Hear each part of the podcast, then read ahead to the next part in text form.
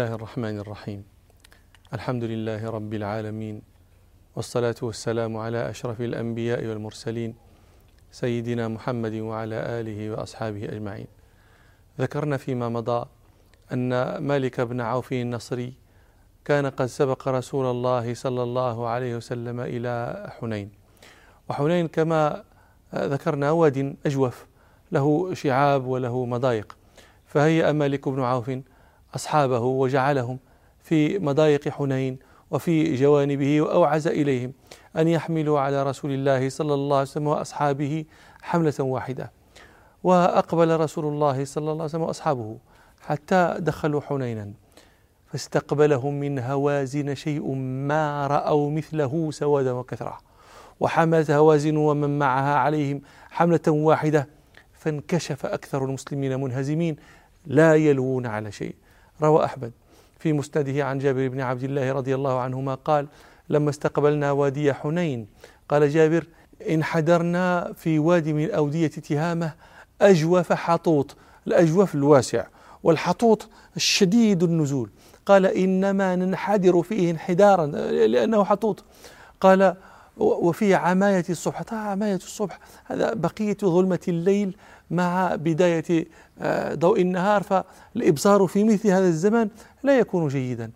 قال وفي عماية الصبح وقد كان القوم كمنوا لنا في شعابه وأجنابه ومضايقه. قال قد كانوا قد جمعوا وتهيأوا وأعدوا. قال جابر فوالله ما راعنا ونحن منحطون. إلا الكتائب قد شدت علينا شدة رجل واحد. وكان خالد بن الوليد رضي الله عنه في على الخيل خيل سليم كانت خيل سليم في أول الجيش وكان خالد بن الوليد آه، عليها أمره النبي صلى الله عليه وسلم عليها فأصيب خالد رضي الله عنه فسقط وانكشفت خيل سليم هاربة وتبعهم أهل مكة الطلقاء. روى مسلم عن أنس بن مالك رضي الله عنه قال وعلى مجنبة خيلنا خالد بن الوليد المجنبة هي الكتيبة من الخيل التي تأخذ جانب الطريق الأيمن هما مجنبتان ميمنة وميسرة. قال فجعلت خيلنا تلوي خلف ظهورنا فلم نلبث أن انكشفت خيلنا وفرت الأعراب ومن نعلم من الناس. طبعا في هذا التصريح بأن الانكشاف إنما جاء أولا لا من جهة أكابر, أكابر الصحابة وأفاضلهم. لأن آه، كانت بنو سليم أولا قال ففروا فرت الخيل انكشفت وفر الأعراب والطلقاء وفر أيضا حدثاء الأسنان المستعجلون الذين لم يكن معهم كبير سلاح ولم يكونوا تأهبوا للأمر أهبته. روى مسلم أن رجلا قال لبراء بن عازب رضي الله عنه أفررتم يوم حنين؟ قال لا والله ما ولى رسول الله صلى الله عليه وسلم ولكنه خرج شبان أصحابه وأخفاؤهم المستعجلون المتسرعون. قال خرجوا آه، حسرا حسرا ليس عليهم سلاح. قال حسرا أو ليس عليهم كثير سلاح. قال فلقوا قوما رماة لا يكاد يسقط لهم سهم. جمع هوازن وبني نصر فرشقوهم رشقا ما يكادون يخطئون. فبدأ الفرار من كل مكان. يعني قال جابر رضي الله عنه آه، في الحديث السابق الذي رواه أحمد قال وانهزم الناس راجعين فاستمروا لا يلوي أحد منهم على أحد. وانحاز رسول الله صلى الله عليه وسلم ذات اليمين. ثم قال إلي أيها الناس هلموا إلي. أنا رسول الله. أنا محمد بن عبد الله. قال جابر فلا شيء. احتملت الإبل بعضها بعضا فانطلق الناس إلا أن مع رسول الله صلى الله عليه وسلم رهطا من المهاجرين والأنصار وأهل بيته غير كثير.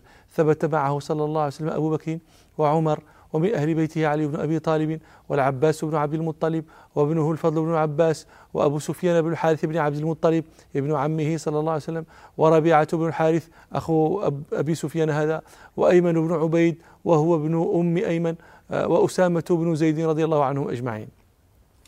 فلما رأى أبو سفيان بن حرب هزيمة المسلمين وهو كان قد اعتزل هو وصفوان بن أمية وحكيم بن حزام ورجال من أهل مكة من مسلمة الفتح وغيرهم ممن لم يحسن إسلامه بعد.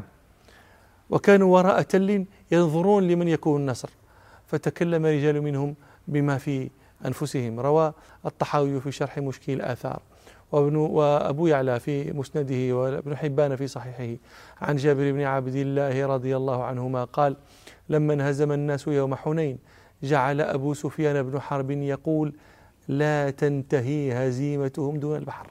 يعني يشمت البحر البحر الأحمر وصرخ كلدة بن حنبل وهو مع أخيه لأمه صفوان بن أمية ألا بطل السحر اليوم؟ فقال له صفوان أسكت فض الله فاك. فوالله لأن يربني رجل من قريش أحب إلي من أن يربني رجل من هوازن. يعني لأن يكون رجل من قريش ربا فوقي. الرب هنا السيد يملكني ويسوسني أحب إلي من أن يكون رجل من هوازن. آه، كذلك. فلما رأى مالك بن عوف النصري انهزام المسلمين أمام جيوشه جعل يتقدم بفرسه ويرتجز ويقول أقدم محاج إنه يوم النكر مثلي على مثلك يحمي ويكر. إذا أضيع الصف يوما والدبر ثم احزألت زمر بعد زمر. كتائب يكل فيهن البصر قد أطعن الطعنة تقذي بالسبر وأطعن النجلاء تعوي وتهر لها من الجوف رشاش منهمر. تفهق تارات وحينا تنفجر يا زيد يا ابن همهم أين تفر؟ قد علم البيض الطويلة الخمر أني في أمثالها غير غمر إذ تخرج الحاصن من تحت الستر. ذكرنا أنه لما انهزم الناس لا يلوي أحد منهم على أحد. وثبت مع رسول الله صلى الله عليه وسلم رهط من المهاجرين والأنصار وأهل بيته. جعل رسول الله صلى الله عليه وسلم ينادي ويقول إلي أيها الناس هلموا إلي. أنا رسول الله أنا محمد بن عبد الله. ونادى رسول الله صلى الله عليه وسلم أيضا كما روى مسلم في الصحيح يا للمهاجرين يا للمهاجرين. ثم قال صلى الله عليه وسلم يا للأنصار يا للأنصار. لكن ما الذي يبلغ صوته صلى الله عليه وسلم في هذا الموج المتلاطم من الناس الذين يموج بعضهم في بعض.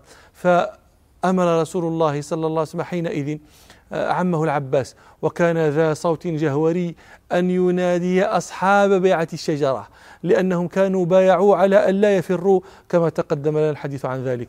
وهذا أوان الوفاء. روى مسلم في الصحيح. عن العباس بن عبد المطلب رضي الله عنه قال شهدت مع رسول الله صلى الله عليه وسلم يوم حنين فلزمت أنا وأبو سفيان بن الحارث بن عبد المطلب رسول الله صلى الله عليه وسلم فلم نفارقه ورسول الله صلى الله عليه وسلم على بغلة له بيضاء أهداها له فروة بن نفاثة الجذامي فلما التقى المسلمون والكفار ولا المسلمون مدبرين. قال فطفق رسول الله صلى الله عليه وسلم يركض بغلته قبل الكفار. قال عباس وأنا آخذ بلجام بغلة رسول الله صلى الله عليه وسلم أكفها إرادة ألا تسرع. وأبو سفيان بن الحارث آخذ بركاب رسول الله صلى الله عليه وسلم الركاب الحديدة التي يضع فيها الراكب قدمه. فابن عمه آخذ بالحديدة عند رجل رسول الله صلى الله عليه وسلم وعمه العباس آخذ باللجام لجام بغلة. ورسول الله هما يكفان البغلة. ورسول الله صلى الله عليه وسلم يدفعها في نحور العدو وهذه شجاعة رسول الله صلى الله عليه وسلم. غاية ما يكون من شجاعة. شجاعة لا نظير لها. منتهى الشجاعة أنه صلى الله عليه وسلم في حومة الوغى وقد انكشف عنه جيشه وهو مع ذلك على بغلة. البغال هذه ليست سريعة الجري ولا تصلح لكر ولا تصلح لفر وهو مع هذا صلى الله عليه وسلم لا يحاول الفرار عليها بل يركضها صلى الله عليه وسلم في نحور أعدائه قبل وجوههم وينوه باسمه يقول أنا فلان أنا محمد أنا ابن عبد الله أنا أنا رسول الله ينوه باسمه رافعا صوته ليعرفه من لم يكن عرفه وهذا أعظم الخطر لأنه يوفر دواعي أعدائه على قصده لأنهم يعلمون أنهم إن قتل الرأس فقد فسد أمر الجيش كله. ومع ذلك يصنع رسول الله صلى الله عليه وسلم هذا كله. لا يصنعه إلا ثقة بالله وتوكلا عليه وعلما منه بأنه سينصره ويتم ما أرسله به ويظهر دينه على الدين كله كما وعده. فقال رسول الله صلى الله عليه وسلم يا عباس نادي أصحاب السمرة وأنا قلت لكم إنما ناداهم رسول الله صلى الله عليه وسلم بأصحاب السمرة ليذكرهم عهدهم الذي عاهدوه عليه صلى الله عليه وسلم في الحديبية حيث بايعه فيها على ألا يفروا ومنهم من بايعه على الموت فهذا أوان اقتضاء الوعد. فقال صلى الله عليه وسلم أي عباس نادي أصحاب السمرة فقال عباس وكان رجلا صيتا. فقلت بأعلى صوتي هو صوته جهوري ثم نادى بأعلى صوته أين أصحاب السمرة قال فوالله لكأن عطفتهم. حين سمعوا صوتي عطفة البقر على أولادها. عطفتهم عودتهم من الفرار إلى رسول الله صلى الله عليه وسلم كما تعطف البقرة على أولادها عند سماع حنينها إليها. فقالوا يا لبيك يا لبيك. وفي سيرة ابن إسحاق بإسناد صحيح أنه لما سمعوا نداء العباس جعلوا يقولون يا لبيك يا لبيك. قال فيذهب الرجل ليثني بعيره. البعران الخيل كلها تفر. قال فيذهب الرجل ليثني بعيره ليلوي عنقه فلا يقدر على ذلك. فيأخذ درعه فيقذفها في عنقه ويأخذ سيفه وترسه ويقتحم عن بعيره يدع بعيره يفر ويخلي سبيله ويرجع هو إلى جهة الصوت فيأمه حتى ينتهي إلى رسول الله صلى الله عليه وسلم. حتى إذا اجتمع إلى رسول الله صلى الله عليه وسلم منهم مئة. قال فاقتتلوا الكفار. فنظر رسول الله صلى الله عليه وسلم وعلى بغلته كالمتطاول عليها إلى قتالهم ونظر إلى مجتلد القوم وهم يجتلدون.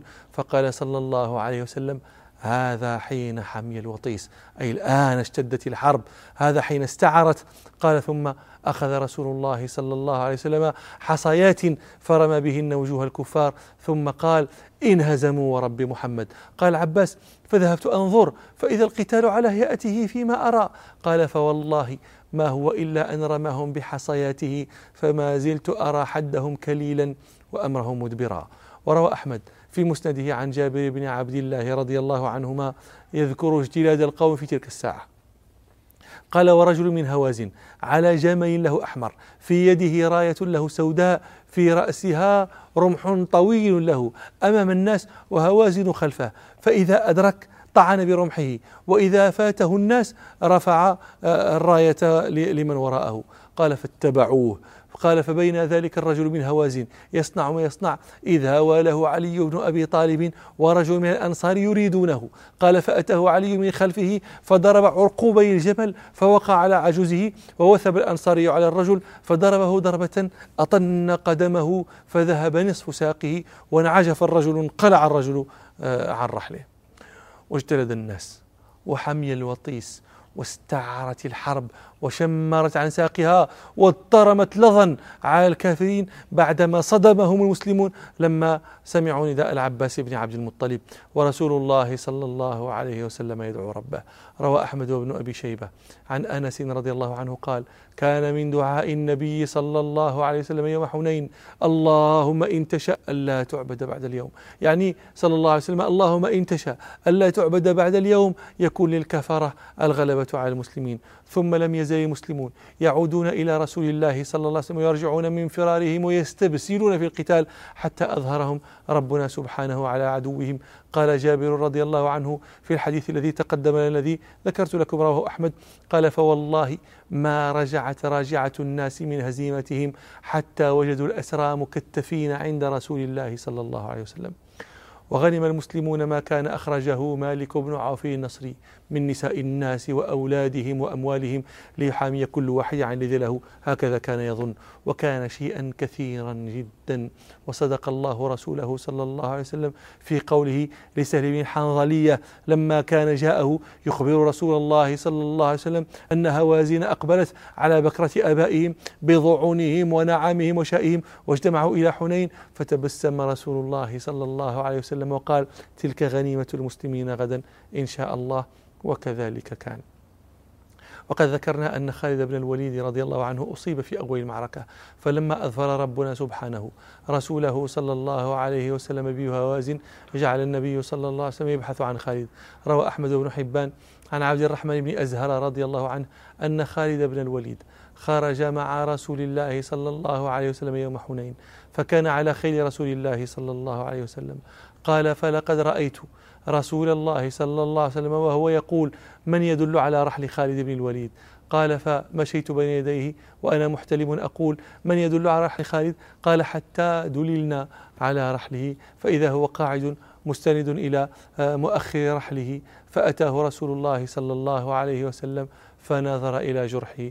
قال الزهري الراوي عن عبد الرحمن بن أزهر وحسبت أنه قال آه، ونفث فيه رسول الله صلى الله عليه وسلم. وكانت أم سليم رضي الله عنها أم أنس بن مالك وزوج أبي طلحة الأنصاري رضي الله عنهم قد خرجت مع زوجها وأخرجت معها خنجرا وأخبركم بنبئها فيما نستقبل إن شاء الله. سبحانك اللهم وبحمدك. أشهد أن لا إله إلا أنت أستغفرك وأتوب إليك. والحمد لله رب العالمين.